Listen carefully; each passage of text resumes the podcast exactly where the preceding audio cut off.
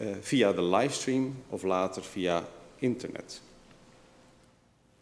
We voelen ons met u verbonden. In deze dienst gaat voor onze eigen dominee Jolande. Het, uh, de piano wordt bespeeld door uh, Marcus de Haard. En mijn naam is Walter Numan. Ik ben ambtsdrager van dienst. Ik heb een paar mededelingen, twee stuks. Vanaf vandaag zijn er dus 50 mensen uh, aanwezig. Ik heb net even snel geteld, we zijn met 26 volgens mij. Um, het is wel nog steeds inschrijven bij de ingang, dat heeft ook iedereen netjes gedaan. En de coronamaatregelen blijven van kracht, dus die houden we gewoon uh, in acht. En bij klachten blijven we thuis. En we kunnen ook zachtjes meezingen, en dat zijn dan maximaal twee liederen. En dan heb ik nog iets over het uh, Liemers uh, Magazine. Dat ligt bij de entree. Afspraken over mogelijke verdere samenwerking met de zes Liemerse protestante gemeenten gaan eind juni een volgende fase in. Op 28 juni komen de zes Moderamina bijeen om een onderzoeksopdracht te geven en een stuurgroep te installeren. Om een naderbeeld te krijgen van de zes kerken is er een Liemers Magazine gemaakt. Het magazine kunt u downloaden op onze website. Als u een gedrukt exemplaar wenst, dan kunt u deze afhalen op dinsdag of op donderdagochtend of hier in de kapel. En hier in de kapel. We zijn een moment stil om ons voor te bereiden op de ontmoeting met God. En ik wens u allen een gezegende dienst.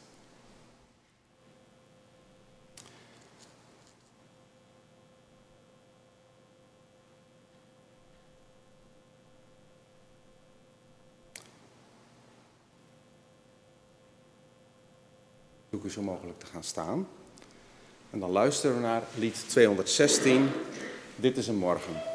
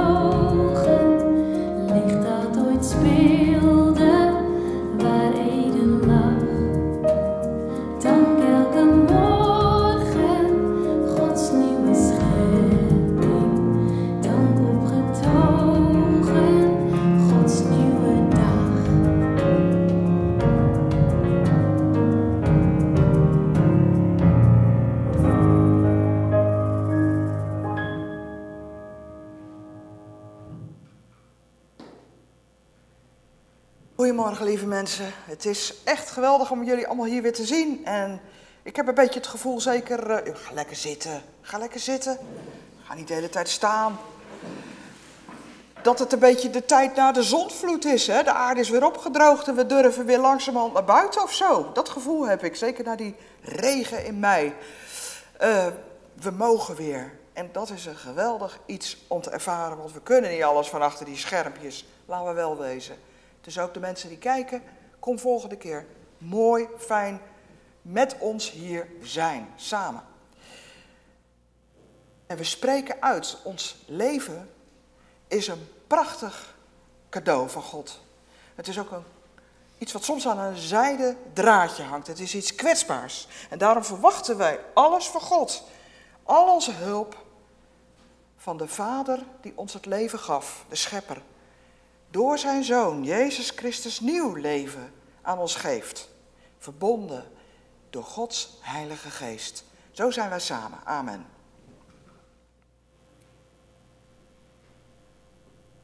Als een opmaat naar het uh, moment dat wij bij God onze gebed gaan leggen om ontferming, lees ik eerst de woorden van Stef Bos. En daarmee haak ik toch nog even aan de Pinksterviering van twee weken geleden. Ik wil het water naar de zee zijn, de zoden aan de dijk. Het gevecht tegen de bierkaai, alles wat onhaalbaar lijkt. Ik wil de rot zijn in de branding, met de verbeelding aan de macht. Wil de stilte die vanzelf spreekt zijn en het daglicht in de nacht. Dat is een tegenlied, een tegengeluid. Want wij willen allemaal wel graag zoveel en we noemen ons protestanten. En we laten ook wel graag het tegengeluid in alles horen in de samenleving. Maar we hebben God zo hard erbij nodig. En daarom gaan we eerst luisteren naar een lied uit de diepte waarin gezongen wordt of God wil komen om ons uit die diepte te trekken. Psalm 130. Thank you.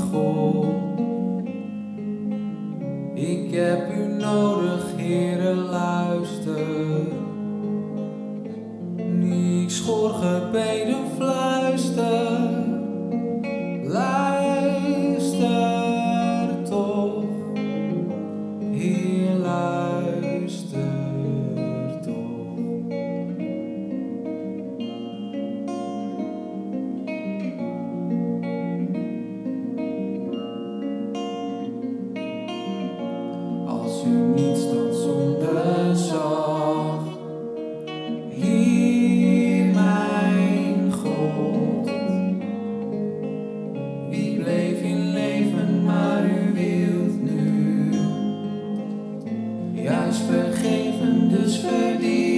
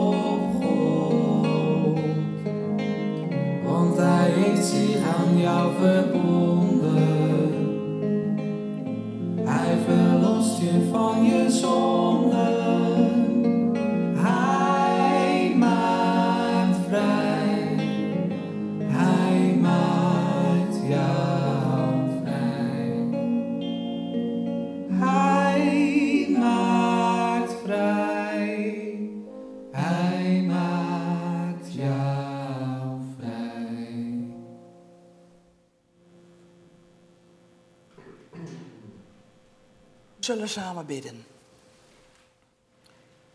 Trouwe God, u bracht ons samen in uw huis. Hier samen op dit moment, op deze zondagochtend, 6 juni. En wij willen altijd zoveel. We lopen zo hard. We zouden zo graag dit. We zouden zo graag dat. En we lopen onszelf voorbij. En daarom zoeken wij de rust en de stilte bij u. En we roepen tot u. Heer, hoor ons uit onze diepten. Want ons leven bestaat uit diepten en hoogte. En we hebben u in alles zo nodig. We leggen voor u neer onze onmacht, onze gebreken, onze schulden. Dat wat we allemaal zo graag zouden willen, maar we niet voor elkaar krijgen. Het ijzer dat we niet kunnen breken. Wij zouden zo graag de zoden aan de dijk zijn, maar we zijn het niet. We kunnen het niet allemaal. Heer, kom naar ons toe en zegen. Maak goed wat wij wel hebben geprobeerd. Help ons. Wees met uw geest in ons midden. En sla uw arm om deze wereld die u zo hard nodig heeft. Zo bidden we u, Heer. Ontferm u over deze wereld en over ons. In Jezus' naam. Amen.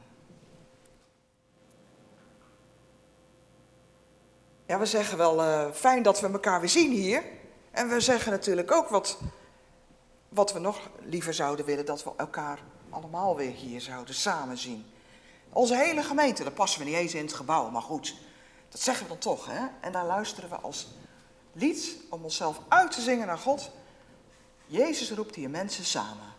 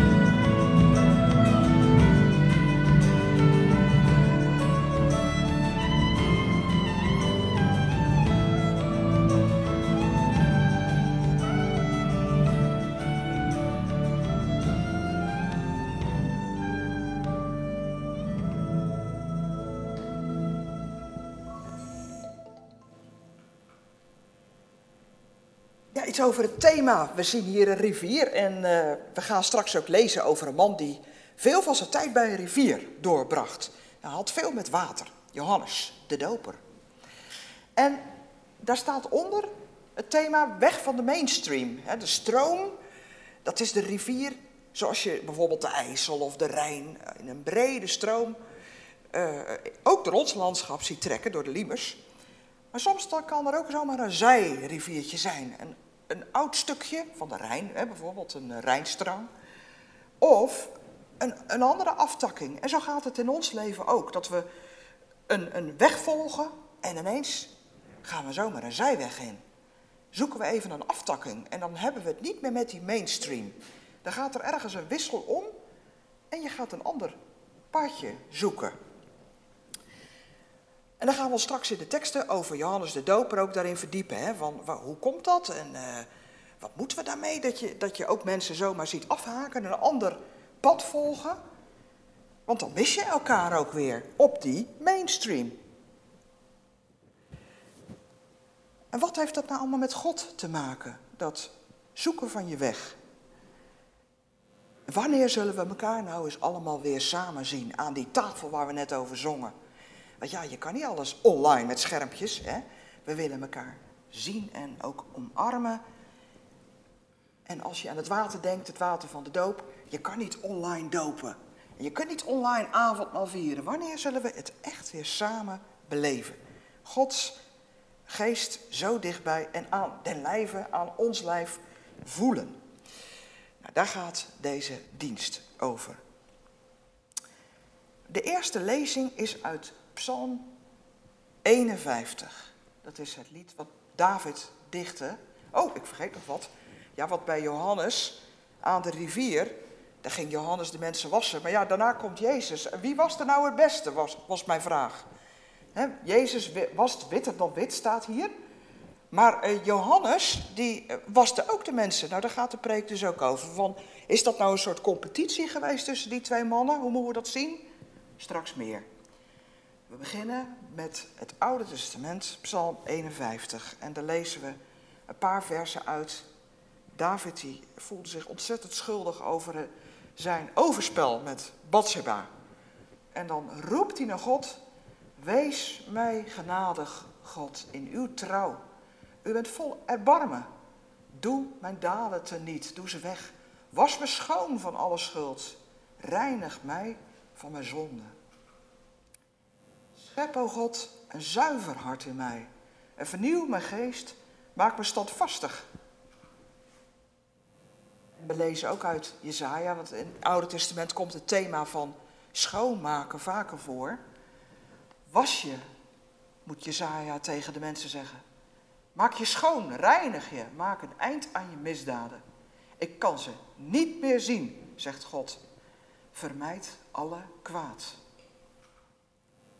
Luisteren naar het lied Witter dan sneeuw. Dat is van het, de groep Psalm Project. En dat uh, is Psalm 51, die we net lazen.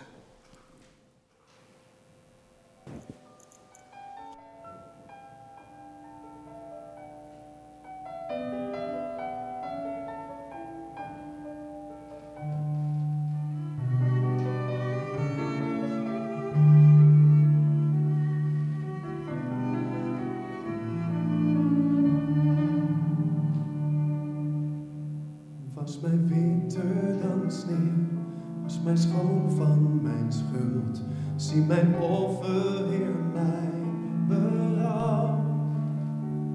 Wees genadig, o God, heb met mij toch geduld. Wees barmhartig, ik pleit op uw trouw. Laat mij weer juichen, weer dansen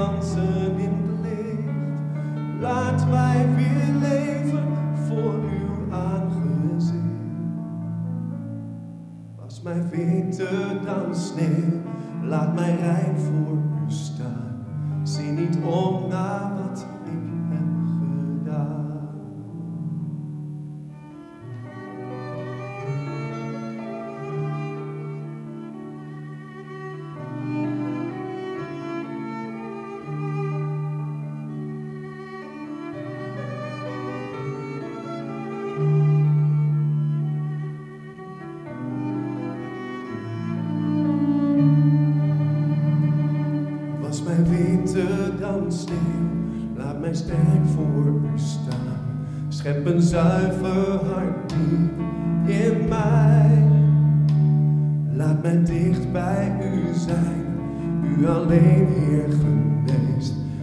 zonde en schuld spreek mij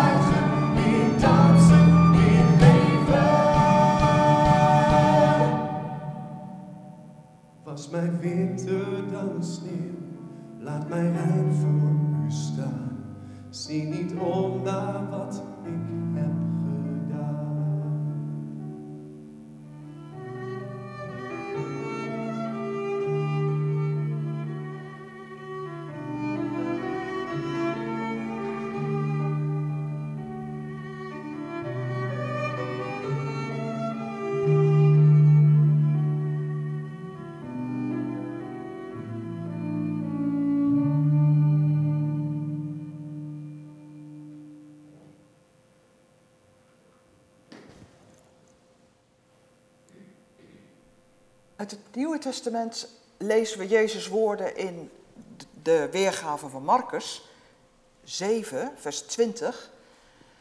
En Jezus zei daar, wat uit de mens komt, dat maakt hem onrein. Want van binnenuit, uit het hart van de mensen komen slechte gedachten, ontucht, diefstal, moord, overspel, hebzucht, kwaadaardigheid, bedrog, losbandigheid, afgunst, laster, hoogmoed en dwaasheid.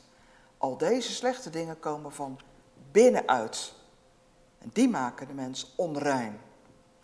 Hoe krijg je dat ooit schoongewassen? Johannes 3, daar lezen we over.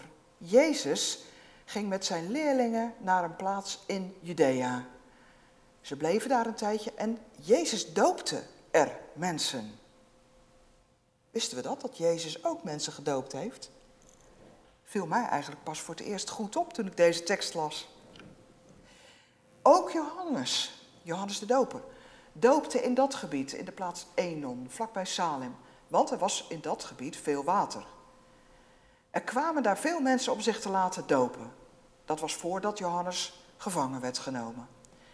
En de leerlingen van Johannes kregen een discussie. Een beetje een aanvaring met een van de Joden. Het ging over de vraag hoe iemand rein wordt door water. En daarna gingen de leerlingen van Johannes naar Johannes toe en zeiden: Meester, weet u nog dat wij aan de overkant van de Jordaan waren? Toen was er een man bij u en u zei over hem: Dat is de zoon van God. Die man is nu hier om mensen te dopen en iedereen gaat naar hem toe. Johannes zei: Ieder mens krijgt wat God hem wil geven. Jullie waren erbij toen ik zei: Ik ben niet de messias, maar ik ben gestuurd om voor hem uit te gaan. Luister, wie heeft op een bruiloft de bruid in zijn armen? Dat is de bruidegom. En wie is er dan blij? De vriend van de bruidegom. Want die vriend is blij als hij de stem van de bruidegom hoort. En ik ben, zoals die vriend, zo blij omdat Jezus veel volgelingen krijgt. Jezus moet belangrijker worden en ik moet juist steeds minder belangrijk worden. En in de bekende vertaling, Jezus moet groter worden en ik kleiner. Zo ken je misschien de tekst nog. Luisteren naar het lied De Rivier.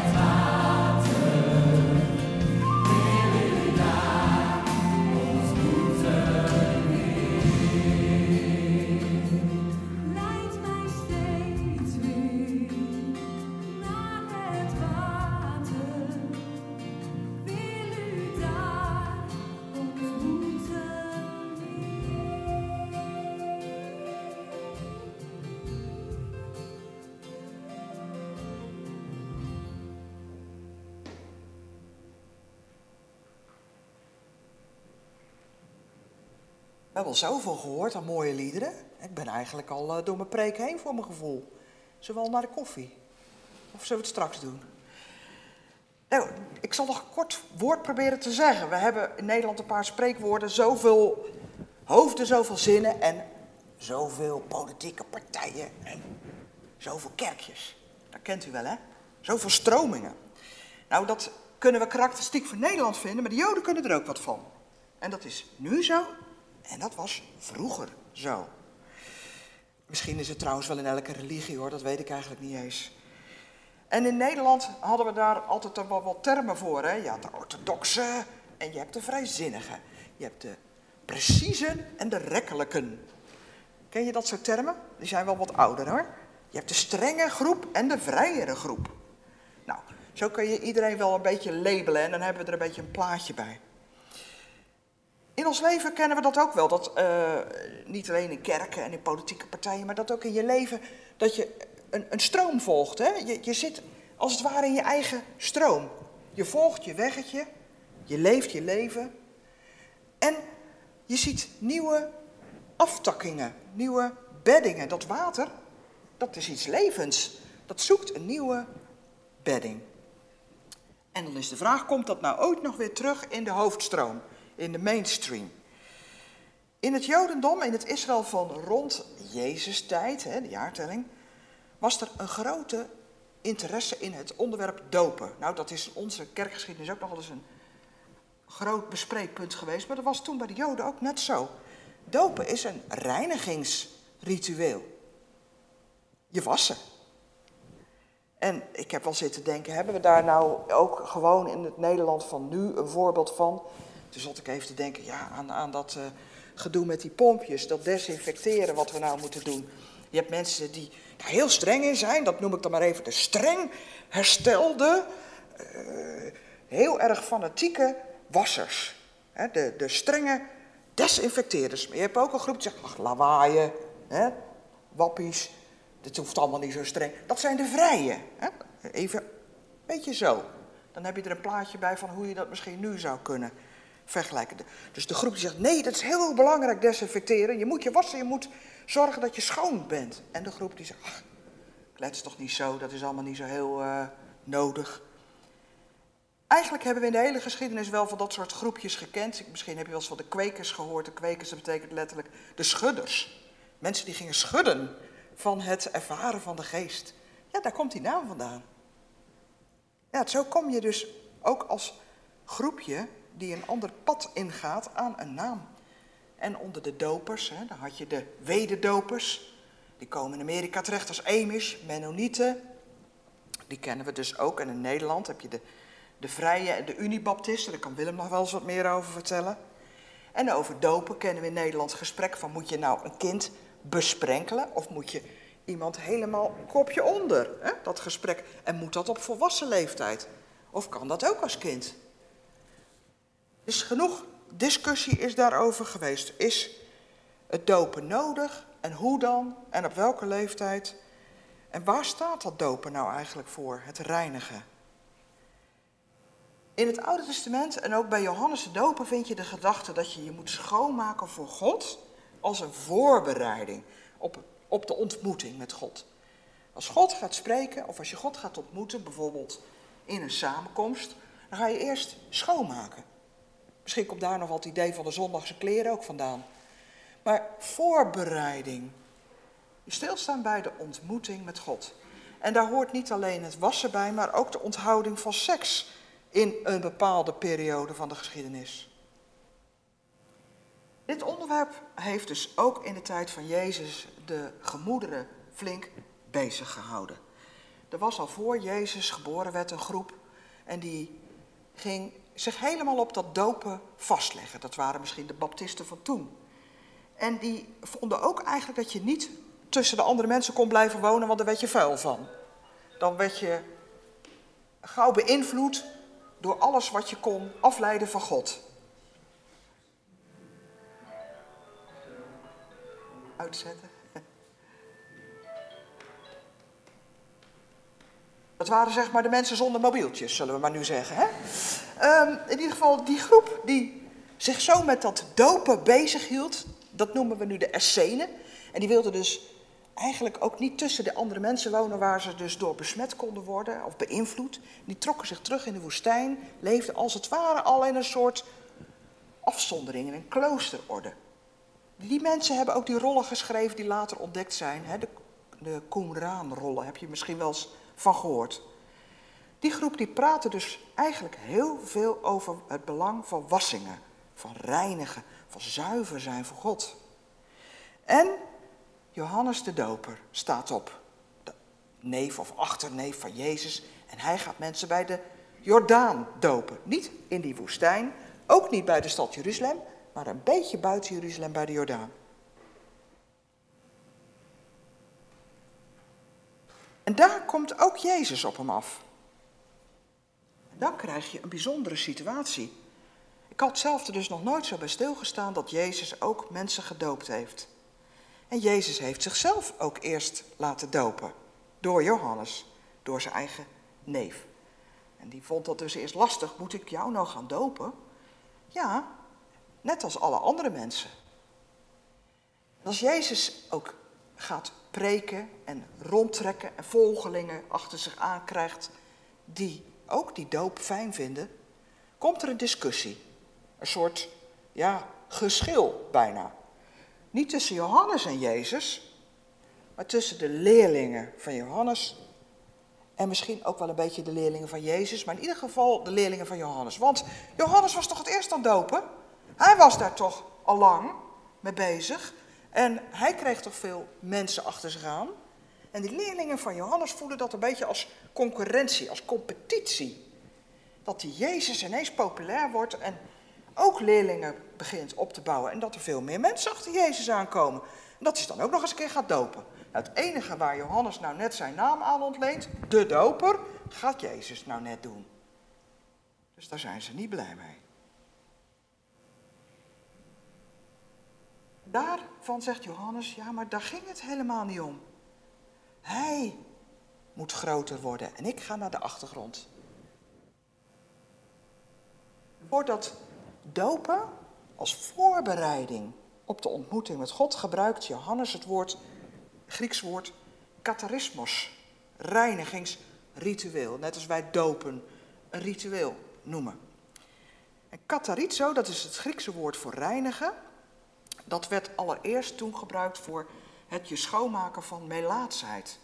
Want men dacht toen nog dat lepra besmettelijk was door aanraking. Dus je moest je desinfecteren, schoonmaken.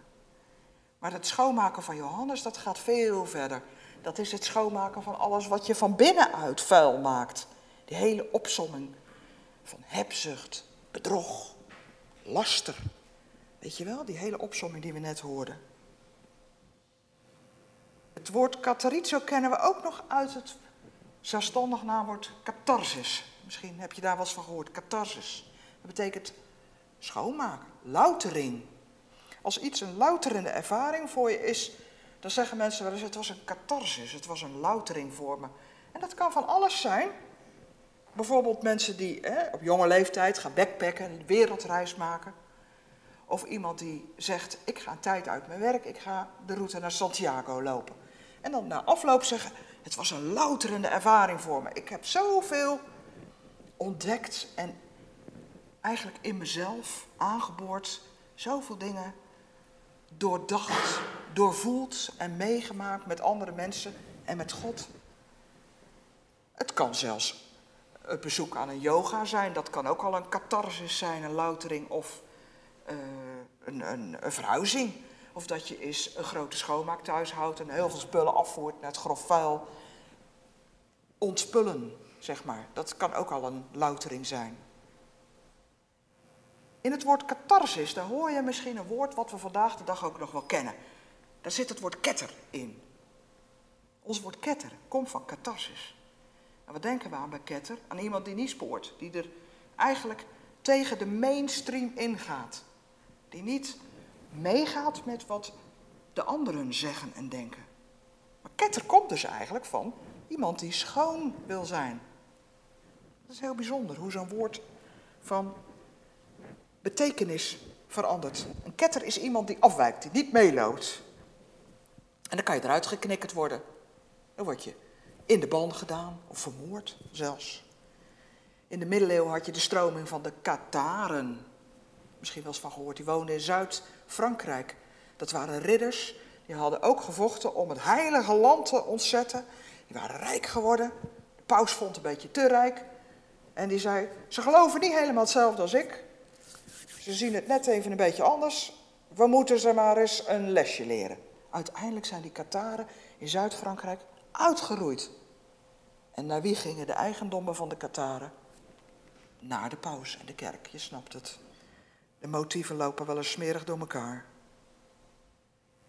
Zo hebben we even wat geroken aan deze woorden reiniging en katarizo. We zijn weer terug bij de Jordaan, bij Johannes. Als Jezus eindelijk is gekomen, de man waar Johannes naar wees, dan maakt Johannes duidelijk, hij is die verwachte koning, waar het hele Oude Testament al naar uitkijkt. Ik ben alleen maar zijn PR-man. Ik kondig alleen maar aan dat hij eraan komt. Jezus moet op de voorgrond en ik uit beeld verdwijnen. De leerlingen snappen dat niet direct, die kunnen daar niet meteen in meekomen. Sommigen gaan toch op Johannes woorden dan achter Jezus aan. Stappen over. Gaan naar de koning. Anderen blijven Johannes trouw. Hoe dat met hen afloopt, dat lezen we verder niet in de Bijbel. Het is ook niet makkelijk als je net iemand hebt gevonden waar je achteraan wil lopen en je denkt, dat, dat geeft mij houvast, dat, dat is mijn idool of mijn held. Daar lees ik nou eens graag boeken van of dat, dat volg ik nou eens graag op YouTube of waar dan ook op het nieuws. En dan blijkt dat die man zegt, ja, maar je moet helemaal niet bij mij zijn, je moet bij hem zijn. Dan moet je weer schakelen. Schakelen is niet altijd makkelijk. Je ziet ook dat mensen het soms doen op een manier dat je denkt, hè? Een voorbeeld uit nu. Ik had het al in de kerkmail aangekondigd. Er is veel gesprek over Israël nu. Over mag je dat land nou bezetten? Hè? Voor wie is dat land nou? Het is in 1948 verdeeld tussen Joden die een thuisland nodig hadden en Palestijnen. Er is een verdeling gemaakt. Die verdeling is later bijgesteld. We hebben een A, B en C zone in het land Palestina of het land Israël, hoe je het ook wil noemen. De ene groep noemt het Palestina en de andere Israël. En hoe moet je daar nu mee omgaan? Het blijft de dagelijkse realiteit voor de mensen daar. In 48 waren er orthodoxe rabbijnen die zeiden: wij mogen helemaal niet oorlog voeren. Wij mogen dat land helemaal niet bezetten. Wij mogen geen geweld gebruiken, geen wapens, geen vliegtuigen, geen bommen. Alleen God, alleen de Messias kan een beloofde land brengen. Dat moet een hemelse heilstaat zijn, zoals Jezaja het al voorspelde. Daar mogen we als mensen helemaal niet aan zitten. Kijk je nu, 75, 76, 77 jaar verder. dan zie je dat dezelfde orthodoxe rabbijnen, nou dat zijn hun kleinkinderen natuurlijk, maar die stroming nu zegt, eh, zorg dat je daar op dat eh, terrein van die Palestijnen gaat wonen. Hè? Bouw daar maar huizen, kolonisten. Want dan nemen we terug wat van ons is. En zo, in de tijd van drie generaties, is hun opvatting, hun positie verschoven. Ze zijn anders gaan denken. Dat is een hele verandering, hè? met behoorlijke consequenties.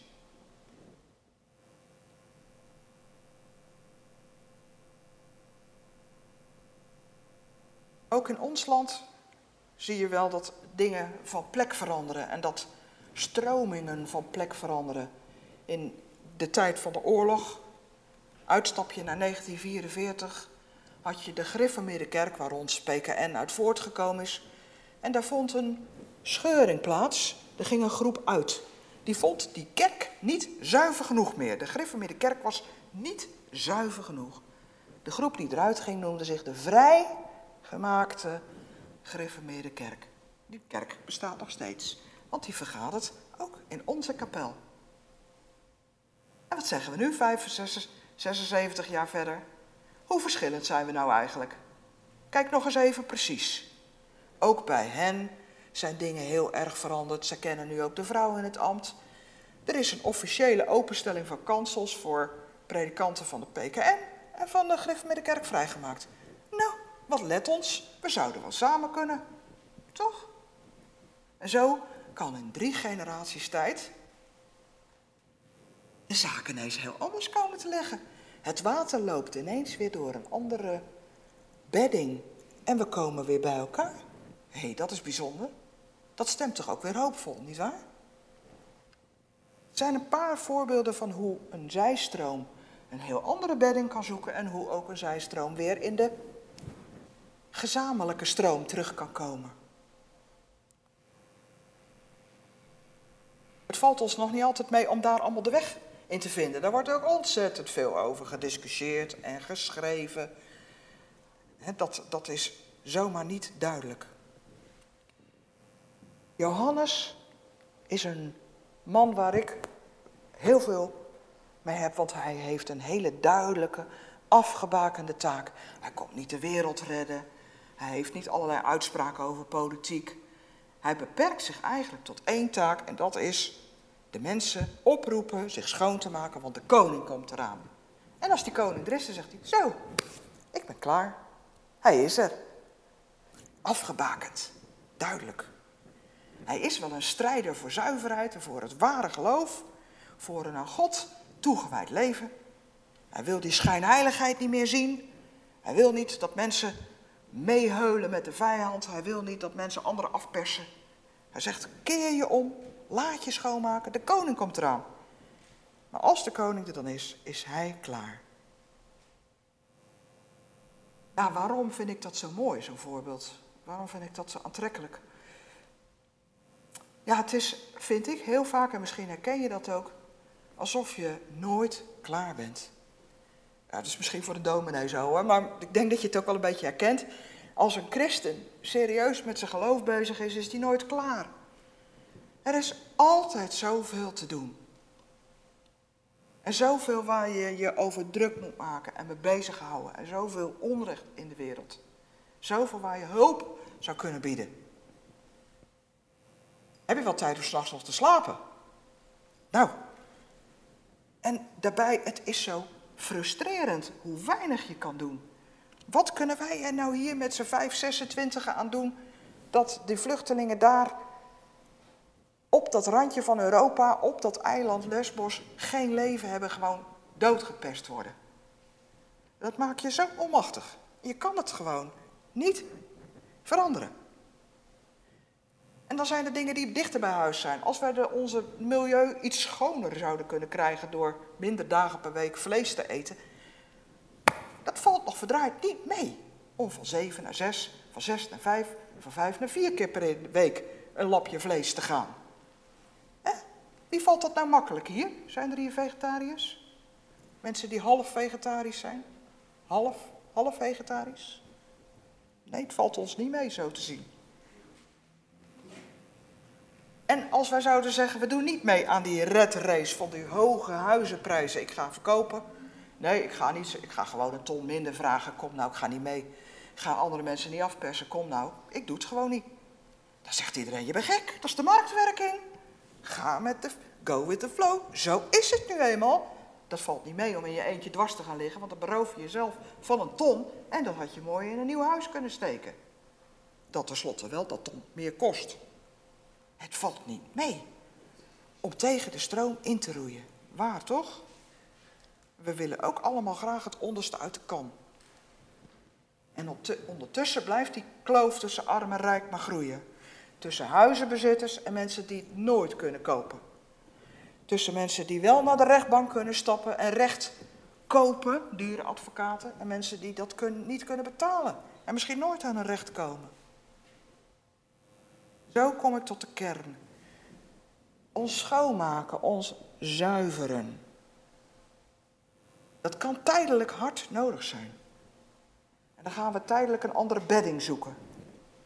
Soms kom je op een punt, dan kan je gewoon niet verder. Dan spreekt die stem van je geweten te luid. Dan kun je het niet meer meedoen in die economie of aan al die consumptiepatronen. Of aan die marktwerking. Of aan hoe we met de vluchtelingen omgaan of met de mensen in de bijstand. Dan kun je het ineens niet meer verdragen. En dan stop je ineens met vlees eten. Of je gaat naar een veel strengere geloofsrichting. Of je gaat naar een nieuwe splinterpartij die helemaal dwars op de rest ligt.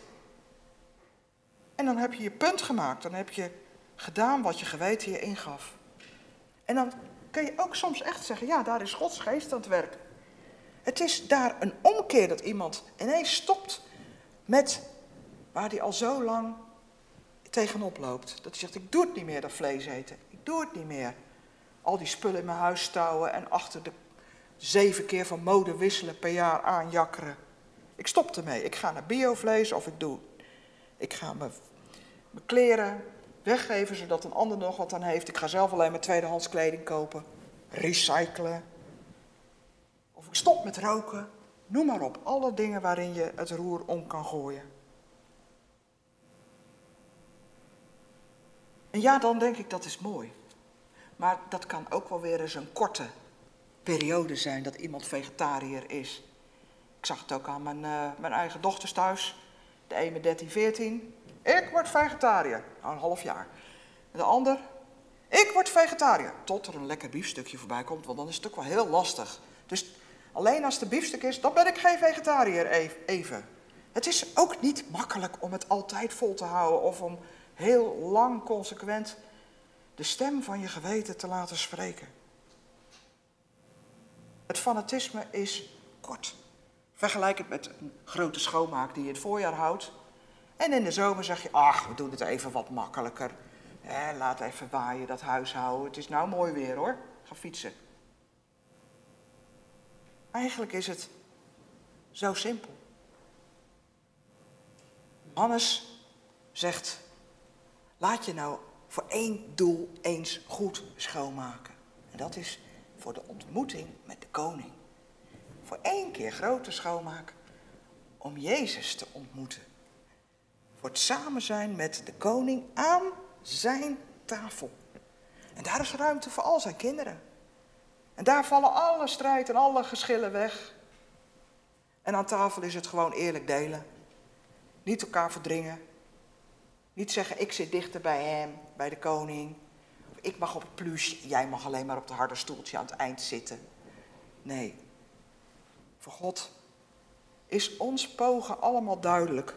Al onze inspanning, al onze frustraties, onze hersenbrekerij. Als je dan bij Gods troon zelf komt, aan zijn tafel, dan weet je. Het gaat er alleen maar om dat we elkaar aanmoedigen en ondersteunen. Want we hebben allemaal diezelfde strijd.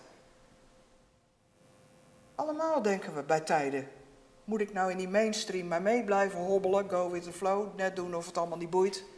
Nee, we hebben er allemaal af en toe last van. Dus moeten we elkaar aanmoedigen om te zeggen: Kom, kom dicht bij mij, ga dicht bij Jezus zitten. Daar heb je een mooi plekje.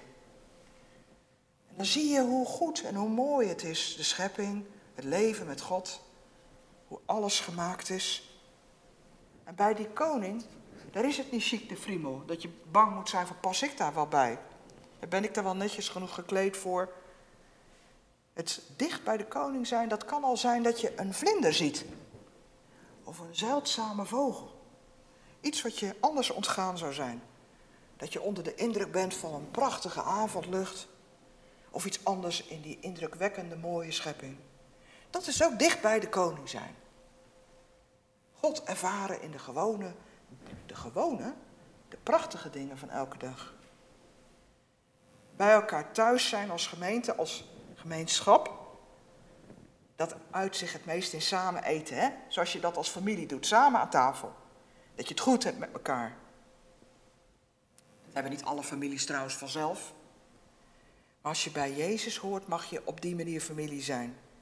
Dat je in elkaar Jezus herkent. Degene die van vijf broden en twee vissen duizenden mensen kon voeden. En van de overblijfselen kon je nog dagen brood roosteren. En dat gemeente zijn, dat samen aan tafel, dat kan je niet online, hè? Daarvoor zullen we toch echt weer binnenkort aan het avondmaal, avondmaal, ochtendmaal gaan. Aan tafel. Met onze koning. Bij elkaar thuis zijn, omdat we in elkaar Jezus mogen herkennen. En onze zoektocht naar zuiverheid en naar een eerlijk en oprecht leven. En dat voor iedereen even frustrerend soms verloopt. Het vallen en opstaan. Elkaar het brood aangeven. Genieten van aandacht voor elkaar. En daarom sluit ik met de woorden van het lied dat we zo gaan beluisteren. Er is voor ieder van ons een plek aan die tafel. Schoon water. Om van binnen schoon te worden en om je schoon te maken. En brood. Een veilige plek. Een plaats om te schuilen als Gods tafelgenoot. En dat is voor wie recht doen. Want die mensen scheppen geluk voor elkaar. Zullen we naar dat lied luisteren?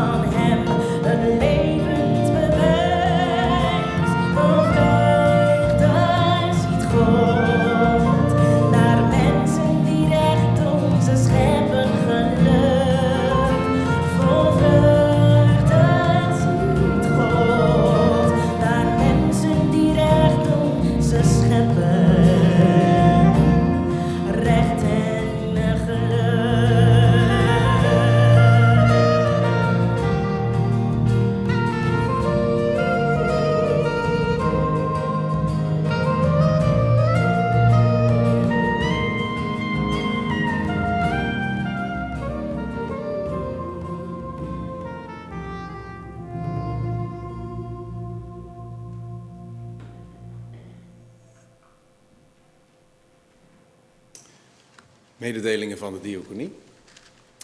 Achter mij staan twee prachtige bossen bloemen. En die gaan allereerst naar de familie Hupkes uit de Margrietstraat. Want ze waren gisteren 40 jaar getrouwd. En de tweede bos bloemen gaat naar mevrouw van der Weert uit de Kastanjelaan. En dat gaat ter bemoediging. En dan de collectes. De eerste collecte is eh, bestemd ehm, eh, voor Kerk in Actie, het Werelddiaconaat. En in dit geval Oeganda, ehm, kwetsbare vrouwen en kinderen sterk maken. Moeders zijn de ruggengraat van de Oe- Oegandese samenleving, maar armoede, ziekte en huiselijk geweld maken hun leven zwaar. Met steun van Kerk in Actie helpt de Vrouwenbond van de Oegandese kerk, genaamd Mothers Union, deze vrouwen hun leven en dat van hun kinderen te verbeteren. Helpt u mee om kwetsbare vrouwen en hun gezinnen in Oeganda een beter bestaan te geven? En de tweede collecte is voor beheer en onderhoud. En bij de uitgang staan er schalen, met duidelijk aangegeven welke de eerste en de tweede collecte zijn. En giften kunnen ook via de Give It app of via het bankrekeningnummer wat eh, genoemd is in kerkmail. En volgens mij aan het eind van de dienst op de beamer verschijnt. Waren de mededelingen.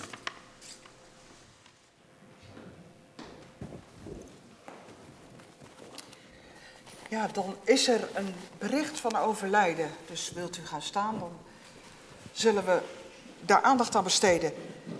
Gisteren is overleden de heer Cor van der Kaag, woonde hier vlakbij aan de Kastanjelaan aan, in het appartementencomplex wat haaks op de kapel staat. En wij zullen straks ook eh, bidden voor zijn vrouw Kitty de kinderen en de kleinkinderen. Het lied Niemand leeft voor zichzelf zal gespeeld worden en ik lees de tekst.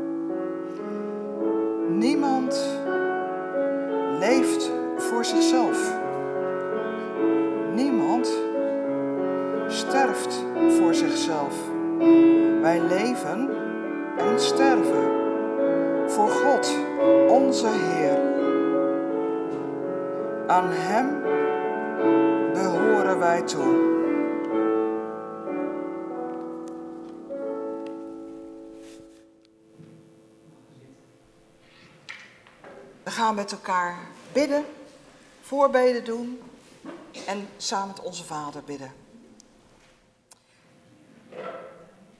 Goede, trouwe God en Vader, wij mochten samen in uw huis zijn.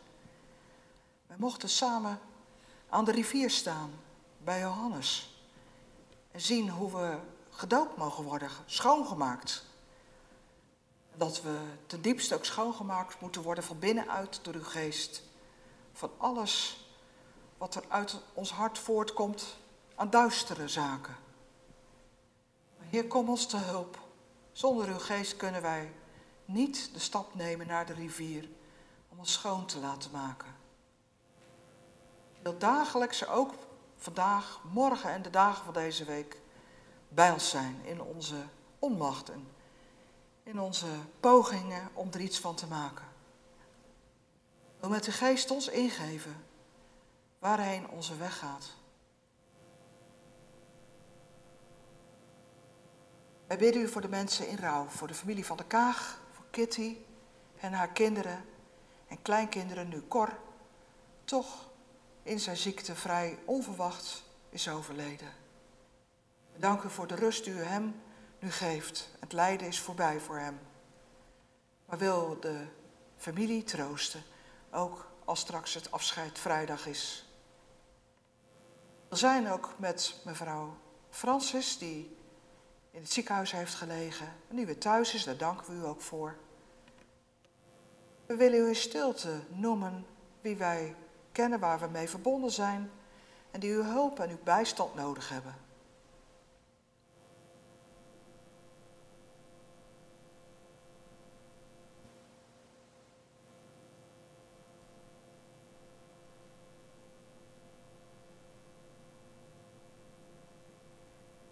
Zo leggen wij al onze gebeden voor u neer en bidden samen wat uw zoon ons leerde te bidden.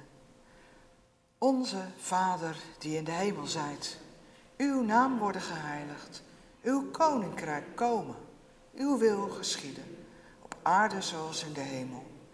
Geef ons heden ons dagelijks brood en vergeef ons onze schulden, zoals ook wij onze schuldenaars vergeven. En leid ons niet in verzoeking, maar verlos ons van de boze. Want van u is het koninkrijk en de kracht en de heerlijkheid in eeuwigheid. Amen. Ja, dan mogen we nu zingen. En toen dacht ik, nou mag het. En eh, dan mag ik maar één lied opgeven. Nou, zullen we Psalm 117 of 119 nemen? Wat denken jullie? Z- 119, lekker lang. En zullen we het dan uit de oude berijming doen, want die telt 20 coupletten meer dan een nieuwe berijming. En toen dacht ik, oh nee, ik mag maar twee coupletten opgeven, dat is waar ook. Dus we zingen, ga met God en hij zal met je zijn.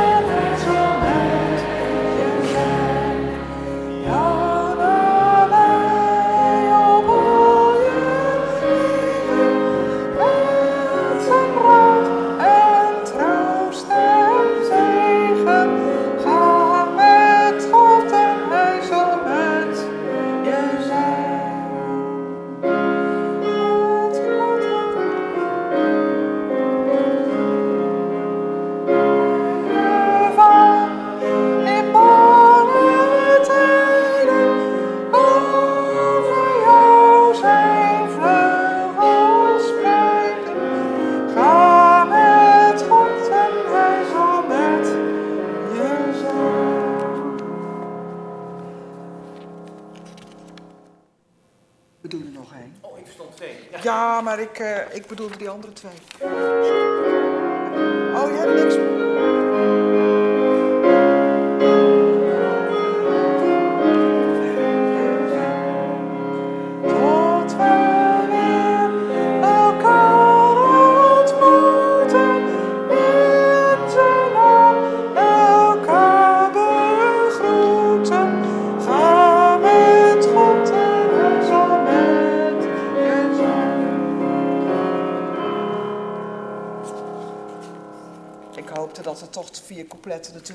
Afgedrukt, maar nee, twee.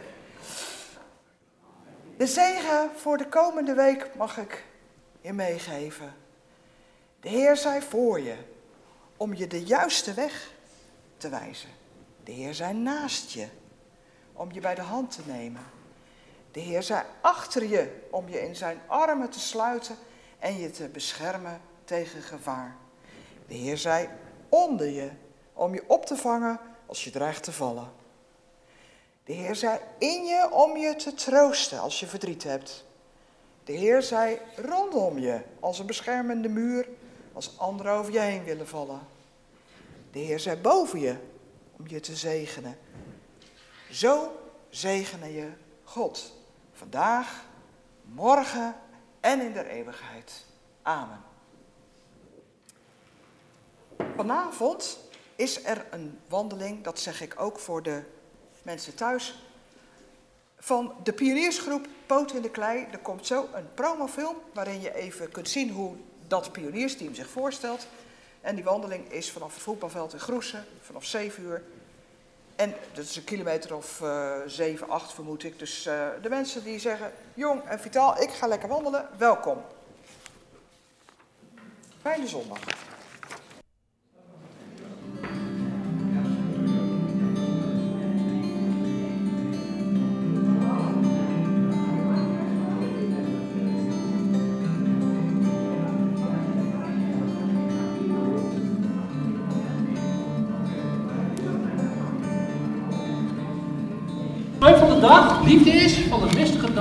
Zonnige dag. Vandaag eh, begon het met mist Ja. en is nu de zon. Dus eh, ja,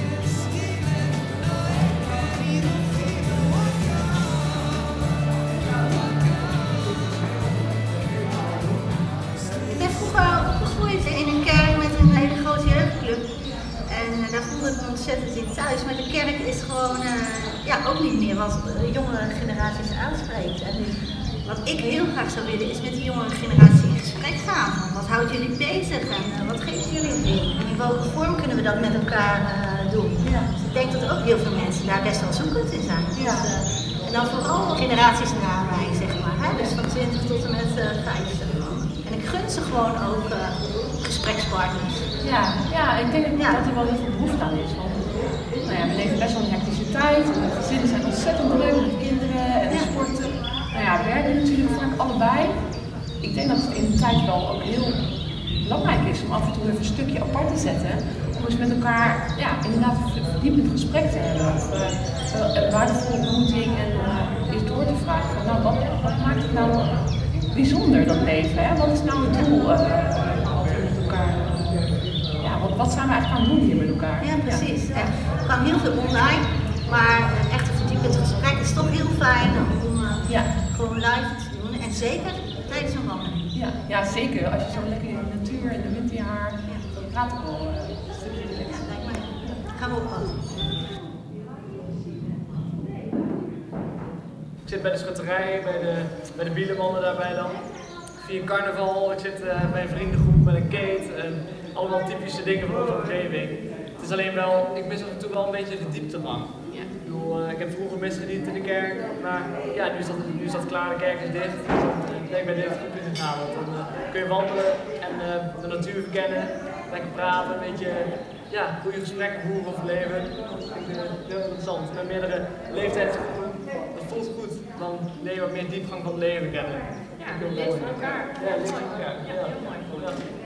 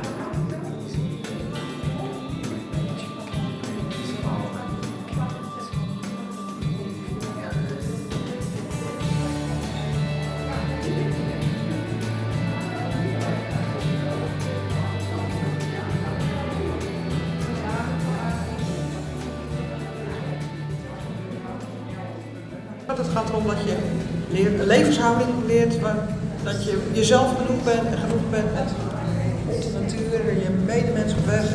Verder niks, geen soesa op je schouders meezeulen. En met je voeten in de klei, hè? Terug naar de basis. Een beetje klein even op. Ja, je schoenen. Ja, dat, dat kan je wel missen dan, hè? De door. Maar dat is ook wat we met elkaar denk ik moeten doen. Hè? Stilzetten en bevragen. En van, hé, hey, zit jij nog op je goede pad, spoor? Eh, we lopen een stukje met elkaar mee en we delen Wat iets maak wat. jij nu mee? Ja. Hoe sta je daarin? Ja. Dan leven toch een wandeling voor gewoon. hè? Ja. Mooi. Ja.